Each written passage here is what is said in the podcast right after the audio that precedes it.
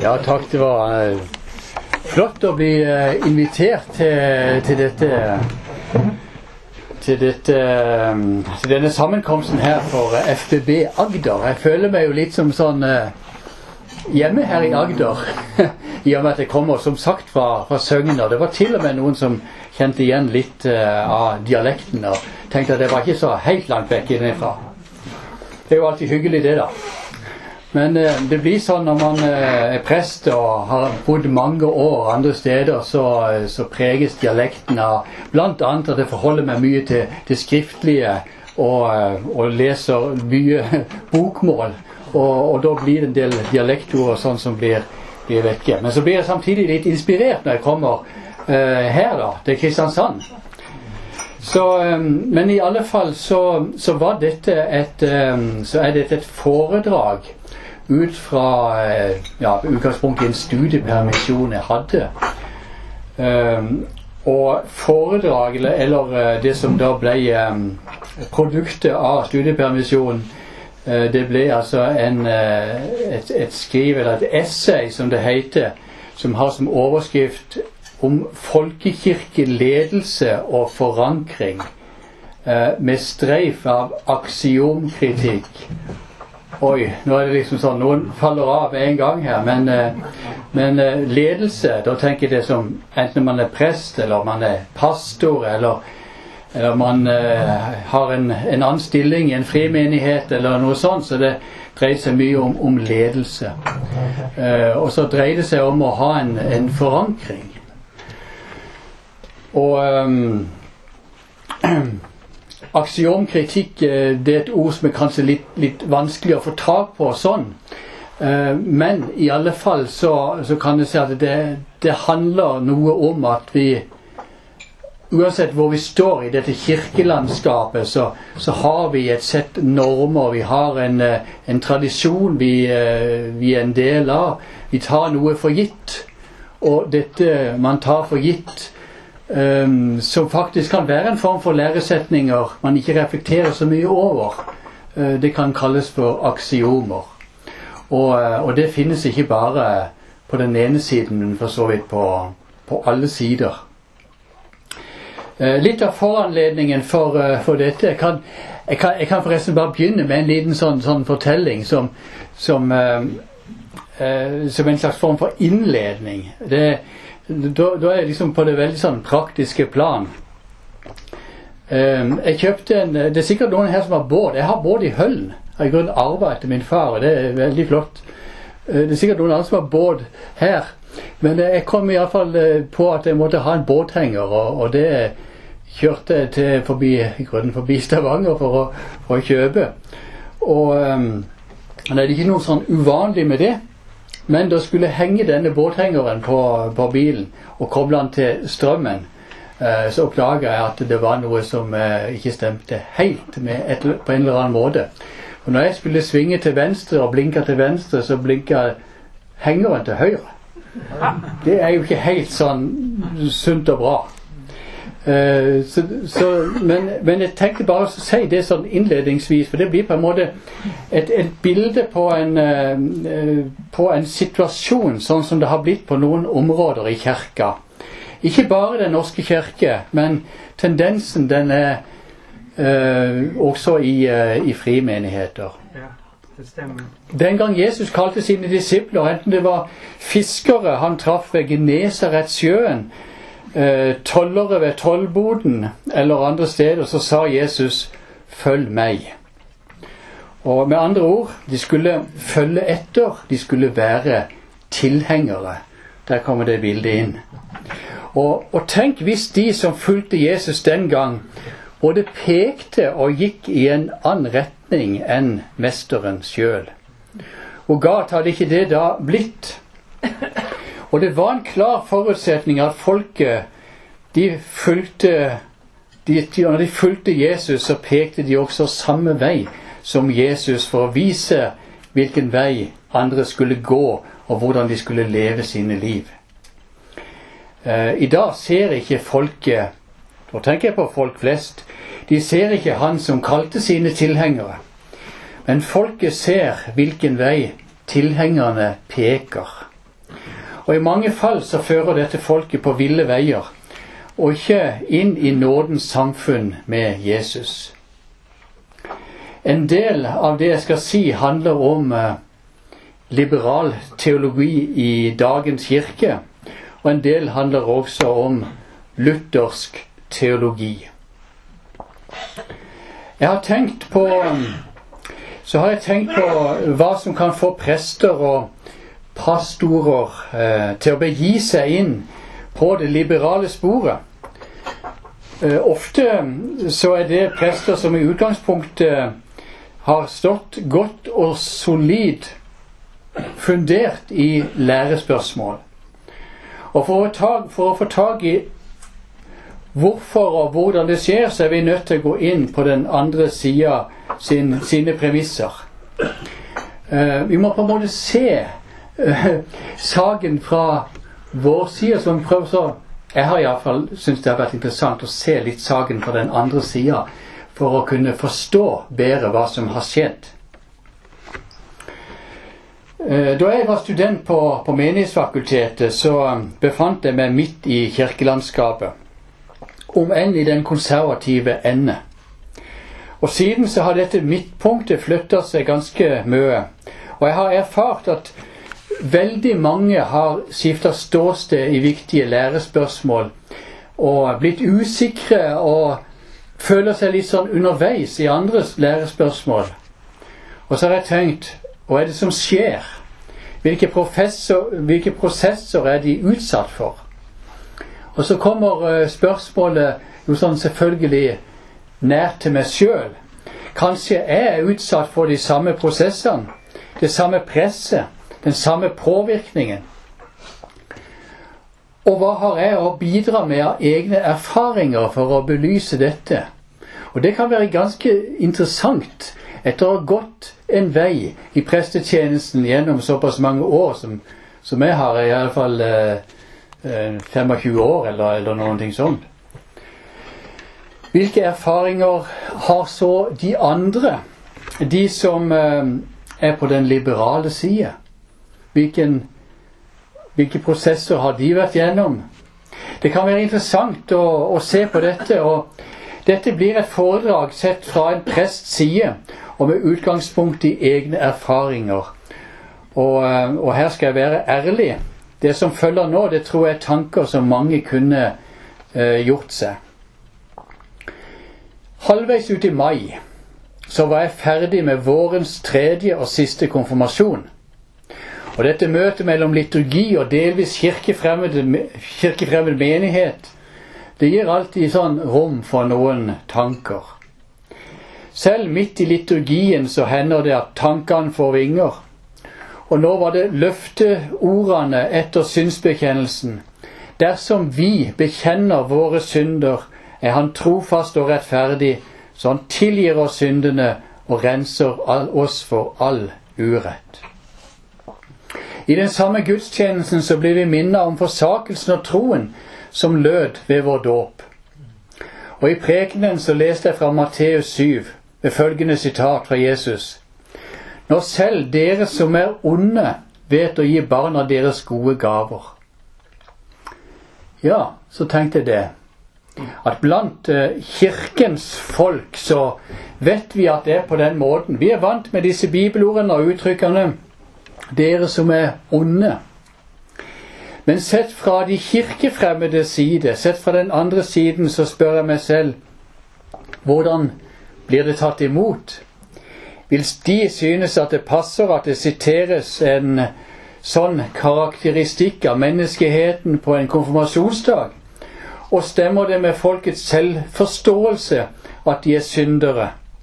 Og med tanke på forsakelsen tenker de Kanskje, tenker kanskje noen at vi er vel ikke enige innad i kirka om hvilke gjerninger som skal forsakes.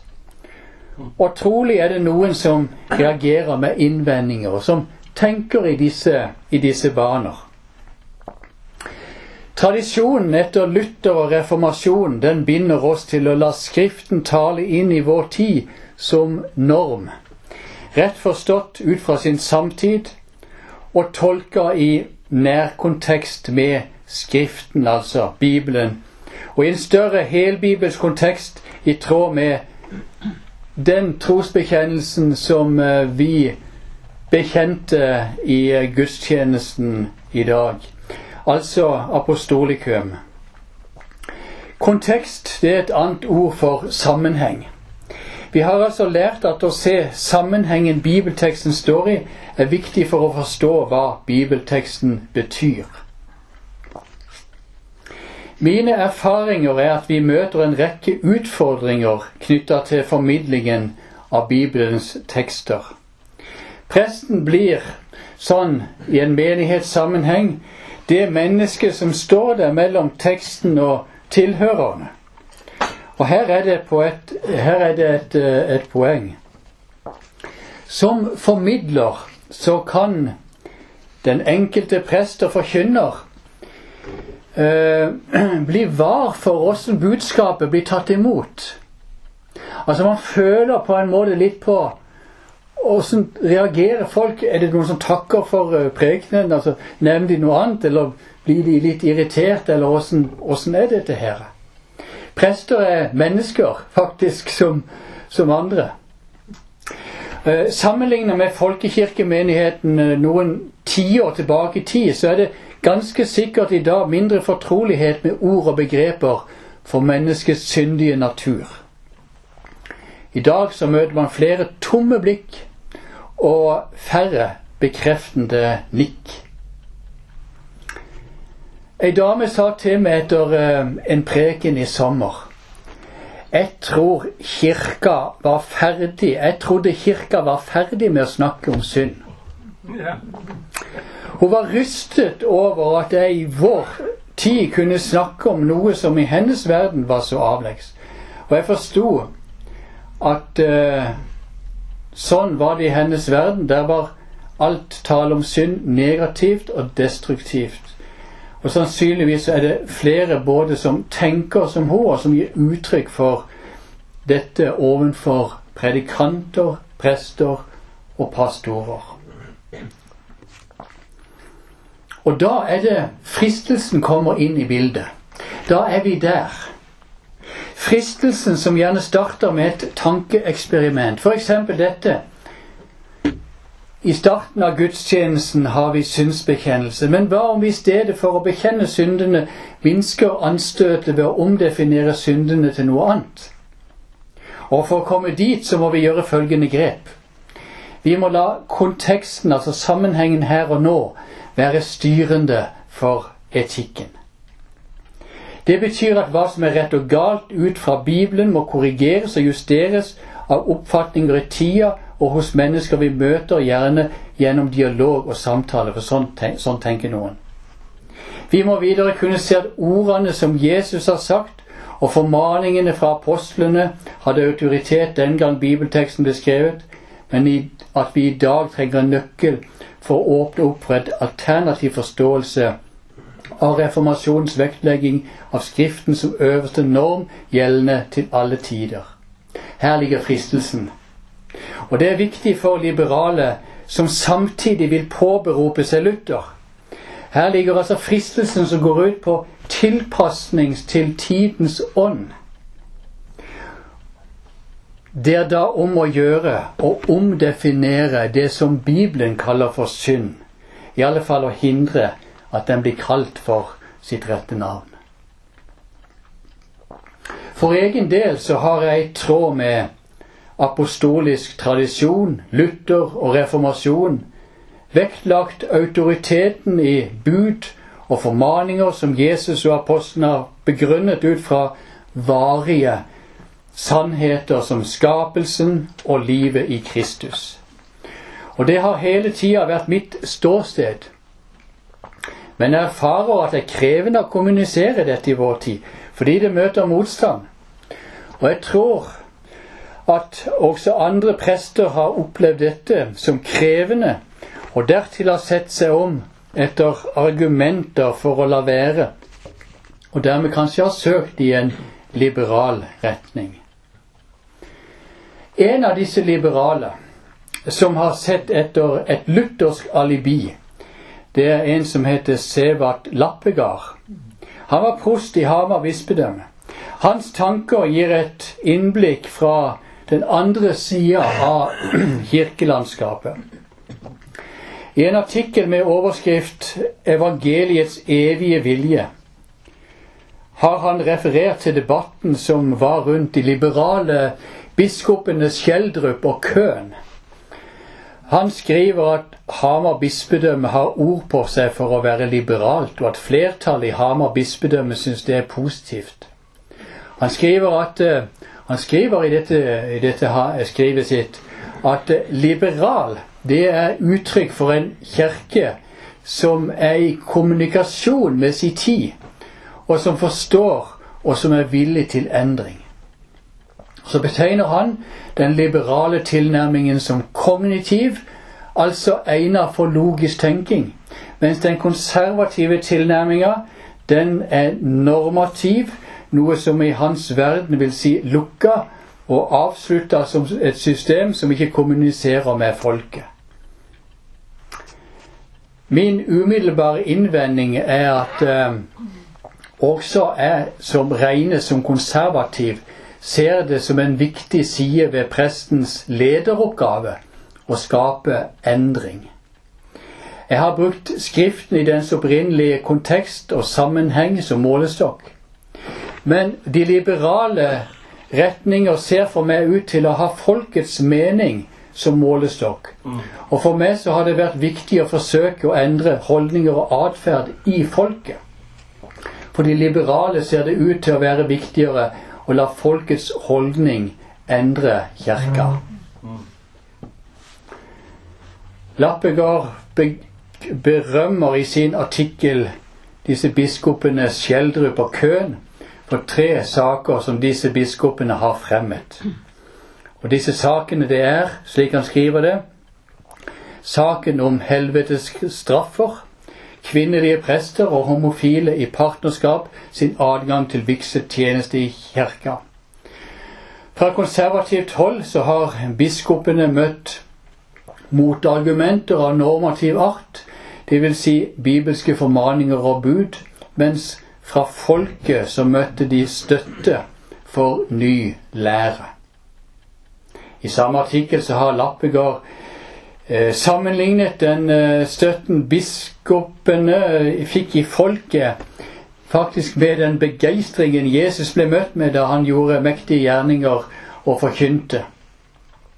Lappegard beskrev dette som den samme typer prosesser ut fra et sosiologisk perspektiv, da. Men han går også lenger når han skriver da biskopene kom med sin nye forståelse, gjenkjente folket evangeliet i den nye forståelsen. Det ser ut til at den liberale prosten bruker bekjennelsen, nei, bekreftelsen i folket, Det vil Si det folket som nesten aldri går på gudstjenester, som bevis på hva som er Bibelens evangelium. Og til grunn for en slik tanke så må det ligge et eh, Så må det eh, Så ligger det naturlige eh, eh, At det naturlige mennesket umiddelbart kan forstå. Altså det er en forutsetning at mennesket av, natur så å si kan forstå eller slutte seg til det som er Guds vilje. Med andre ord at syndefallet ikke fikk så store følger for menneskeheten. Da Jesus forberedte disiplene på Åndens komme, så var det jo nettopp et poeng at verden ikke kunne ta imot ham. For verden ser ham ikke og kjenner ham ikke.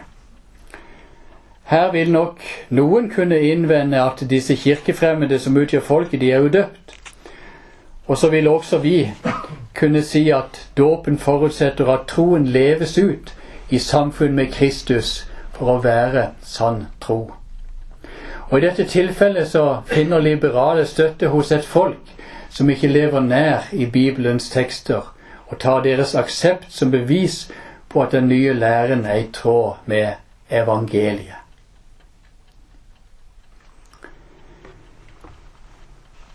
Mine erfaringer er at bibelsk forkynnelse av etikk som bud og formaninger, det kan lett vekke motstand.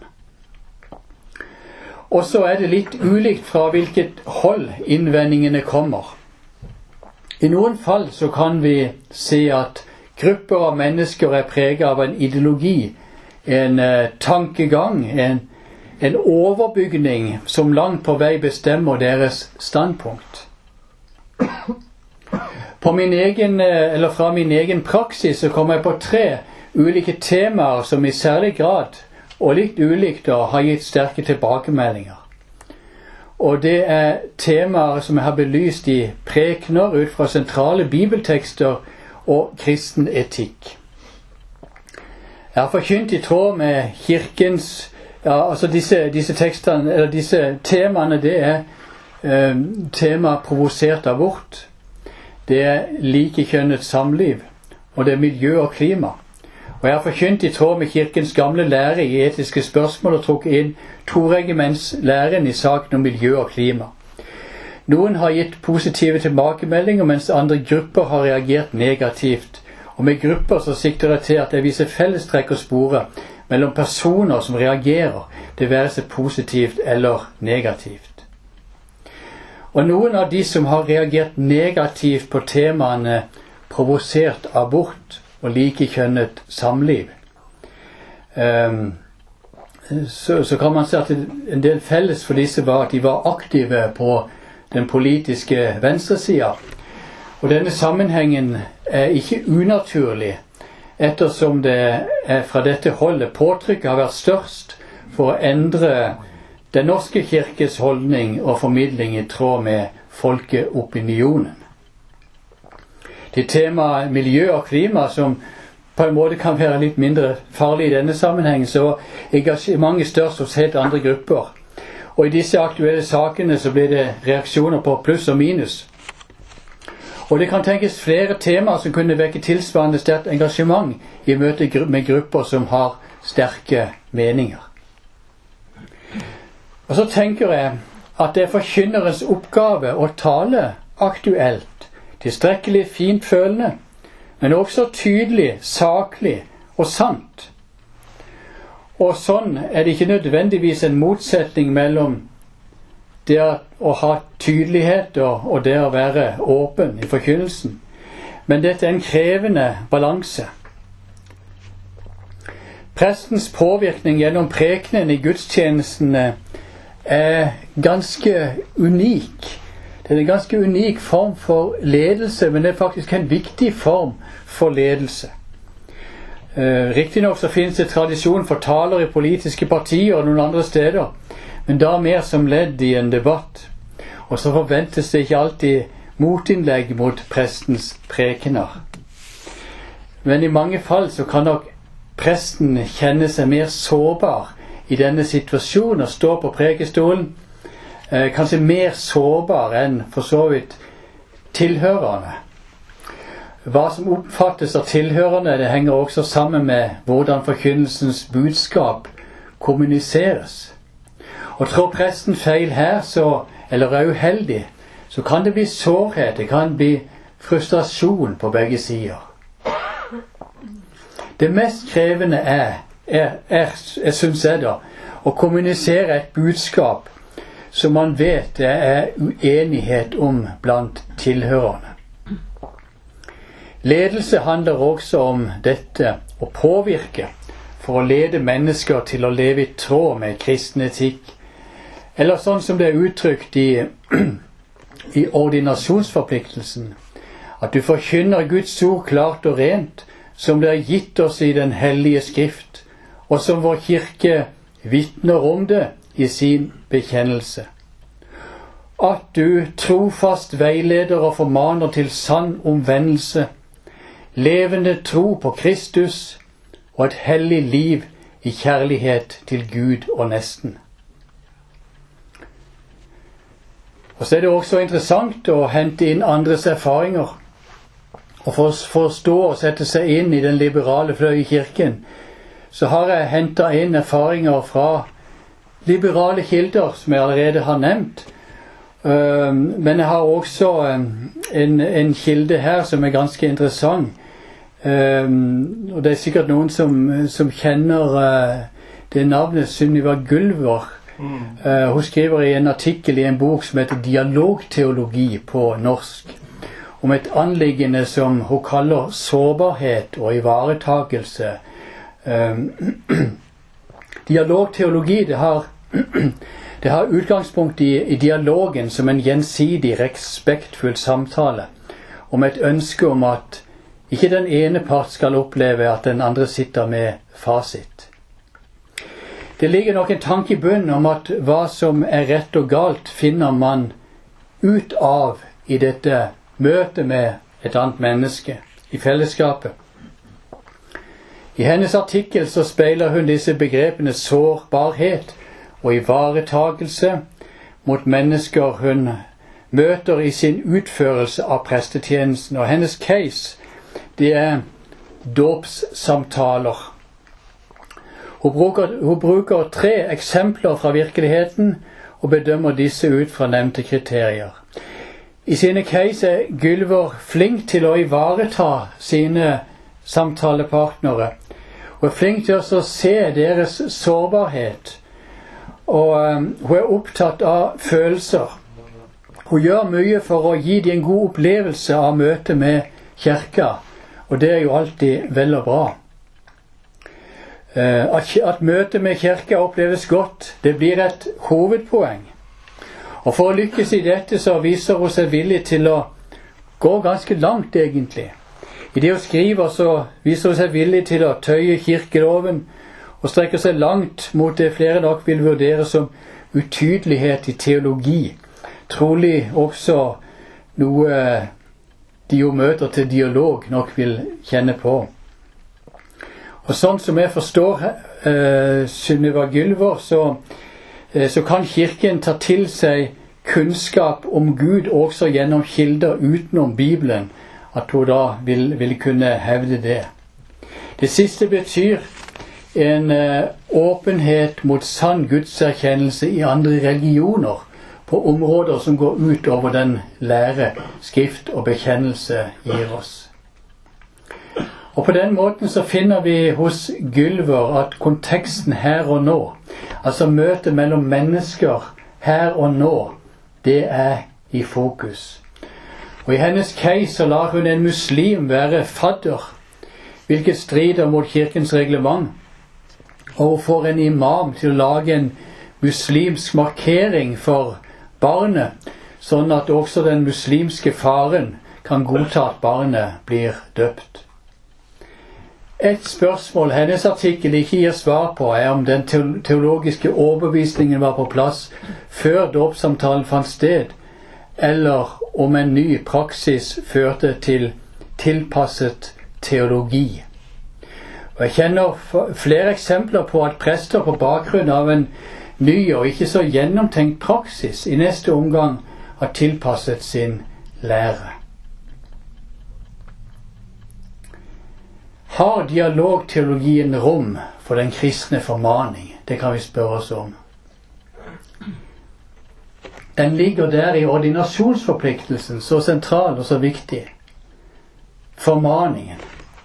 Og så melder det seg spørsmål om den kristne formaningsplass når sårbarhet og ivaretagelse har hovedfokus.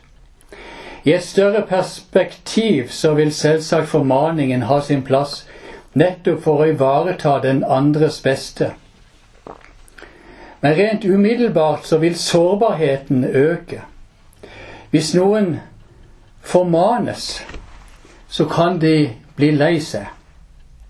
Og dette er en krevende situasjon for presten som skal utføre både ledelse og ivaretakelse. Og spesielt dersom presten syns det er aller viktigst å hindre skuffelse og en dårlig opplevelse hos den andre. I en prekengjennomgang for julaften i 2017 i et eh, blad som heter Nytt norsk kirkeblad, så avslutter Svein Åge Kristoffersen med en betraktning om julefortellingen og englenes budskap 'frykt ikke'. Til slutt så spør han retorisk om det er mange mennesker og grupper som har grunn til å frykte når kristendommens representanter tar ordet. Og så nevnes disse homofile, samboere, kvinner som vil ta abort. Og Nå er det ikke sikkert at julaften er dagen for å tale om temaer som i særlig grad berører disse gruppene.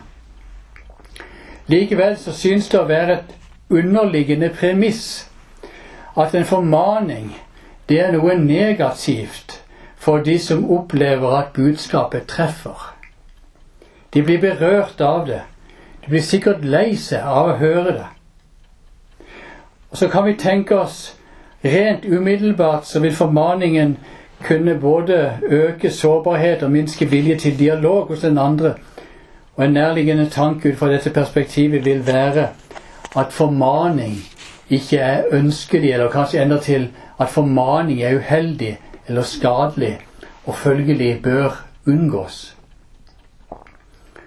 Men la oss ikke så fort slippe taket i dette premisset. For å bli eksempelet til Kristoffersen, så kan det i beste fall være at den kristne formaning kunne fått en kvinne som ville ta abort til å la barnet leve opp. Og hvor mye hadde ikke da vært vunnet? Og dypest sett så dreier kristen formaning seg om å ivareta sin neste ut fra den tanke at å følge Guds vilje alltid vil være det beste for et menneske. Jeg tror vi ser at av slike eksempler så er det gode utgangspunktet i et ønske om en gjensidig respektfull samtale. Eh, I gitte situasjoner så kan, eh, så kan det bli det godes fiende, forutsatt at teologien underordnes erfaringen eller springer ut av denne. Finnes det en nøkkel til å åpne for en alternativ forståelse av reformasjonens vektlegging av Skriften som øverste norm, gjeldende til alle tider? Vi er her inne i dette landskapet, altså der um, der noen søker um, argumenter for en liberal linje, og leter etter en begrunnelse for dette, og samtidig kan kalle seg lutherske. Altså finnes det noe luthersk alibi. Så nevnte jeg innledningsvis at uh, Severt Lappegard har gjort et grep for å finne en nøkkel i så måte. Nå er det riktignok ikke et grep han har gjort av seg selv, men det er mange med ham som forankrer sin liberale teologi i reformasjonen ut fra en bestemt forståelse av Augustana, Confessio Augustana, artikkel 28. Eh, nå er det ikke sikkert alle er så eh, orientert om akkurat denne artikkelen og hva, hva, den står for, men det er den form for argumentasjon man av og til kan høre fra, fra liberalt hold. Og Denne artikkelen handler om kirkemakt. Hva kirkemøte og biskoper kan pålegge menigheter og den enkelte, og hva de ikke kan pålegge. Og det ryddes opp i forholdet mellom verdslig makt og den makt som følger av ordet. Og det konkluderes med at biskoper og kirkemøter ikke må bestemme noe som er i strid med evangeliet. Om å lyde biskopene står det når de lærer eller fastsetter noe som strider mot evangeliet. Da har menigheten en befaling fra Gud som forbyr å lyde dem. Så omtales i artikkel 28 eh, noen skikker som er knytta opp til tids- og miljøbegrensede hensyn. Og Blant disse skikkene nevnes kvinners hodeplagg, eh, overholdelse av eh, sabbaten, og til diskusjon om hviledagen så gjør denne artikkelen et poeng av at det ikke er Kirken som har avskaffet sabbaten, men Skriften selv. Og På samme måte så er det også Skriften som viser at påbudet apostlene ga om å avholde seg fra blod osv., det var bare for ei tid, og ikke noe som hørte varig med til evangeliets forkynnelse. Og Videre så står det i artikkelen det er nemlig evangeliets varige vilje man må gi akt på i dette påbudet. Underforstått ikke på det tids- og miljøbegrensede. Men så er det altså at Lappegard med flere bruker begrepet perpetua voluntas evangelii for å forankre i reformasjonen det en kommer fram til, må være evangeliets varige vilje, for det er det det betyr, de latinske ordene. Men da uavhengig av om Skriften begrunner det ut fra varige hensyn, eller om skrift, det i Skriften går fram at det begrenses til tid og miljø. Det skilles mellom dette i Confessio Gaustan artikkel 28, men ikke i deres tolkning nå.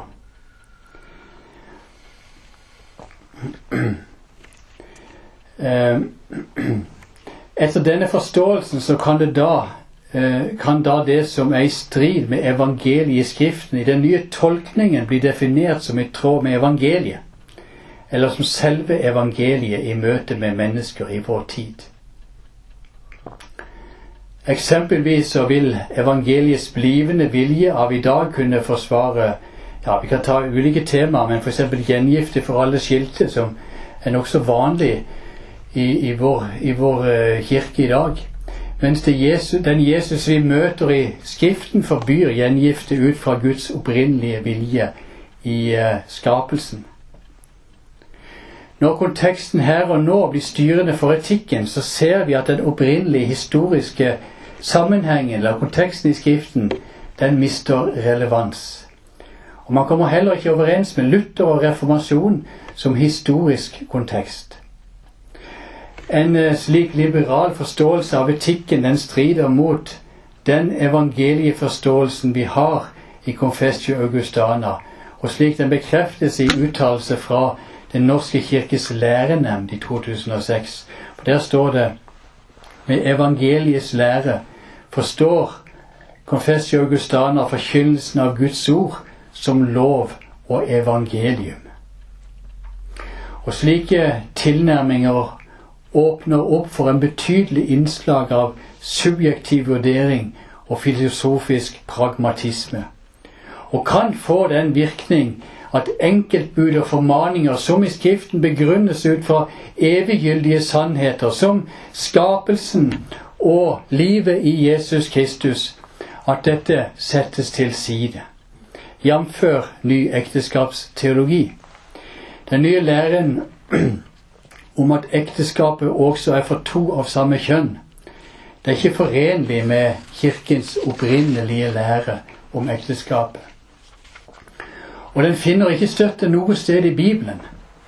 Og da har man også beveget seg langt bort fra hva Luther og reformasjonen har ment med Skriftens autoritet.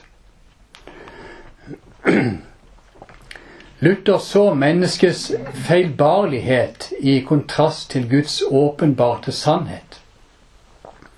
Med skriftprinsippet så avviser Luther og reformasjonen at paven og tradisjon samt vedtak på kirkemøter og konsiler kunne settes over Skriften eller sidestilles med denne. I den teologien som er styrt ut fra vår tids kontekst, kommer det subjektive og menneskelige element på ny inn med full tyngde. Og i noen fall så kan evangeliets blivende vilje vise seg å overprøve Guds universelle bud og formaninger. Det melder seg et spørsmål om de teologiske retninger som vektlegger konteksten her og nå i tilstrekkelig grad tar høyde for syndefallets følger når teologien både skal formes og skapes i møte mellom mennesker, så er det jo ikke gitt at Den hellige ånd er drivkraften eller står bak. Til det som kalles for en kulturantropologisk modell, hører et positivt menneskesyn i den forstand at menneskets fornuft gjøres til målestokk for rett og galt for det etiske og åndelige området. I praksis så settes menneskets fornuft over Bibelens lære.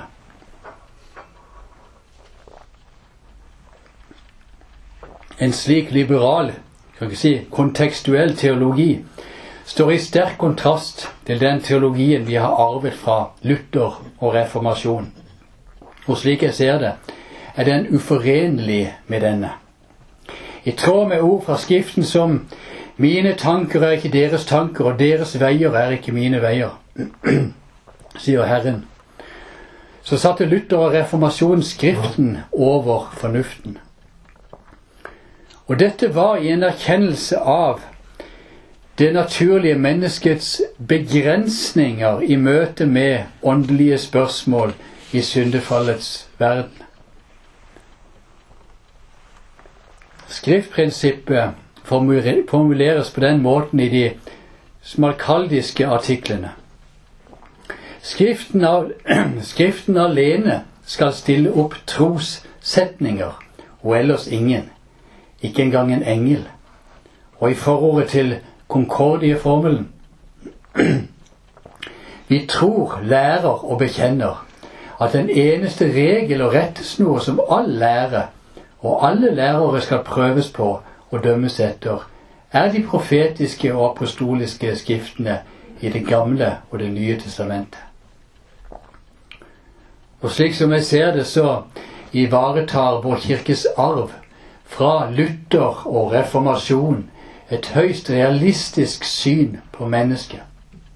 Vi lever tross alt i en fallen verden. Og menneskets mulighet til både å se og til å velge det gode er begrenset. Ikke bare av manglende evne, men også på grunn av den åndskampen vi til enhver tid står i. Og her er heller ikke presten immun.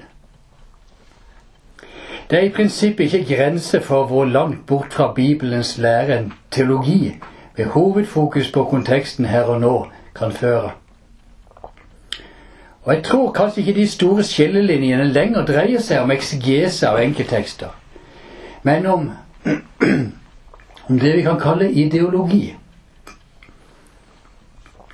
Som konservativ luthersk teolog har jeg godtatt og tatt til meg visse læresetninger som jeg lar meg og min teologi styre ut av. Min forkynnelse og veiledning innen etikk er preget av dette. På tilsvarende måte mener jeg at det forholder seg med de retninger innen teologien som kommer til et annet resultat. Også der er det forutsetninger dogmer og læresetninger som det kanskje ikke engang stilles spørsmål ved. Og det er det vi kan kalle for aksiomer. Jeg var inne på det ordet helt i starten. Vi ser dette tydelig i feministteologien, der mange i tidlige faser av denne kunne si at kvinneerfaring eh, er feministteologiens kilde og norm. Og denne teologien har sitt utgangspunkt i en feminisme som har til hensikt å avdekke, avdekke maktforhold som går i kvinners disfavør. Det være seg i kirka som i annen religion og i samfunn. Og i dag forholder feministteologien seg til kjønn som genus, eller eh, vi kan si eh, genus samfunnsfortolket kjønn, altså sånn som man ser på det i samfunnet, og ikke på ikke biologisk kjønn. Og det er fordi det sosiale og kulturelle kjønn er flytende og foranderlig. Og dette vil være hensiktsmessig så lenge man styres av en ideologi med det bestemte mål og sikte og avdekke og endre religionenes systematiske undertrykkelse av kvinner, sånn som de da tenker. Med feministteologien som ideologisk forankring så vil man selvsagt komme til å lese Bibelen med et sett fargede bilder. Eh, fargede briller, mener jeg, og så blir jo eh, resultatet deretter. og denne overbygningen, denne ideologien som, som man møter som man møter med, den, den vil farge eh, teologien. Men for disse innen feministteologien da, så, så er det med ganske stor endringsvilje man går et steg videre og kaller Gud for mor og andre feminine uttrykk som i Bibelen verken verken brukes som metafor eller som betegnelse på Gud. Og noen vil i sin søken etter feminine uttrykk for Gud tilsløre de språklige og reelle forskjellene.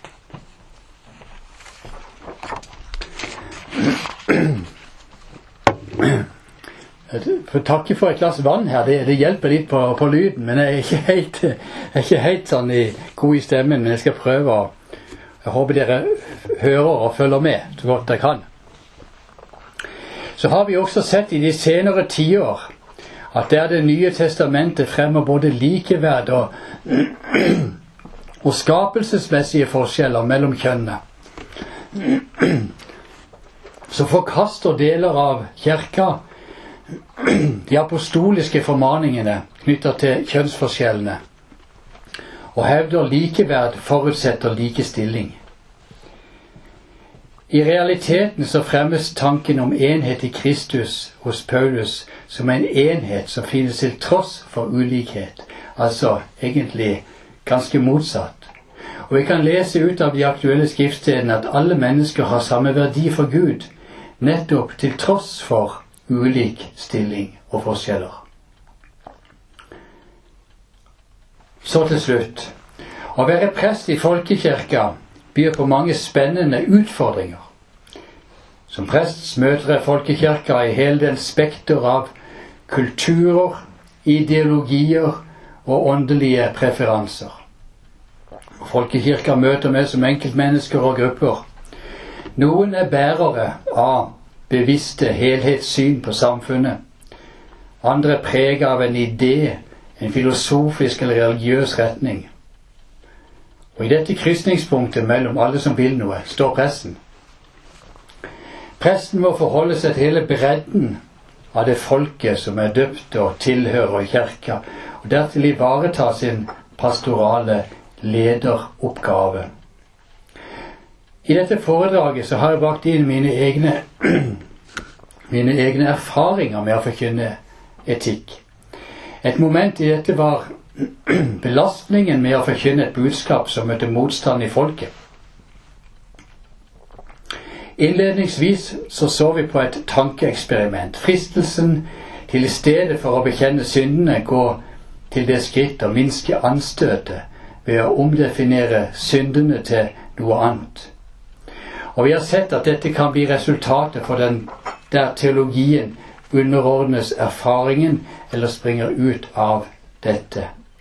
Og for å komme dit så blir tolkningen av uh, CA 28 Confessio Augustana artikkel 28 viktig.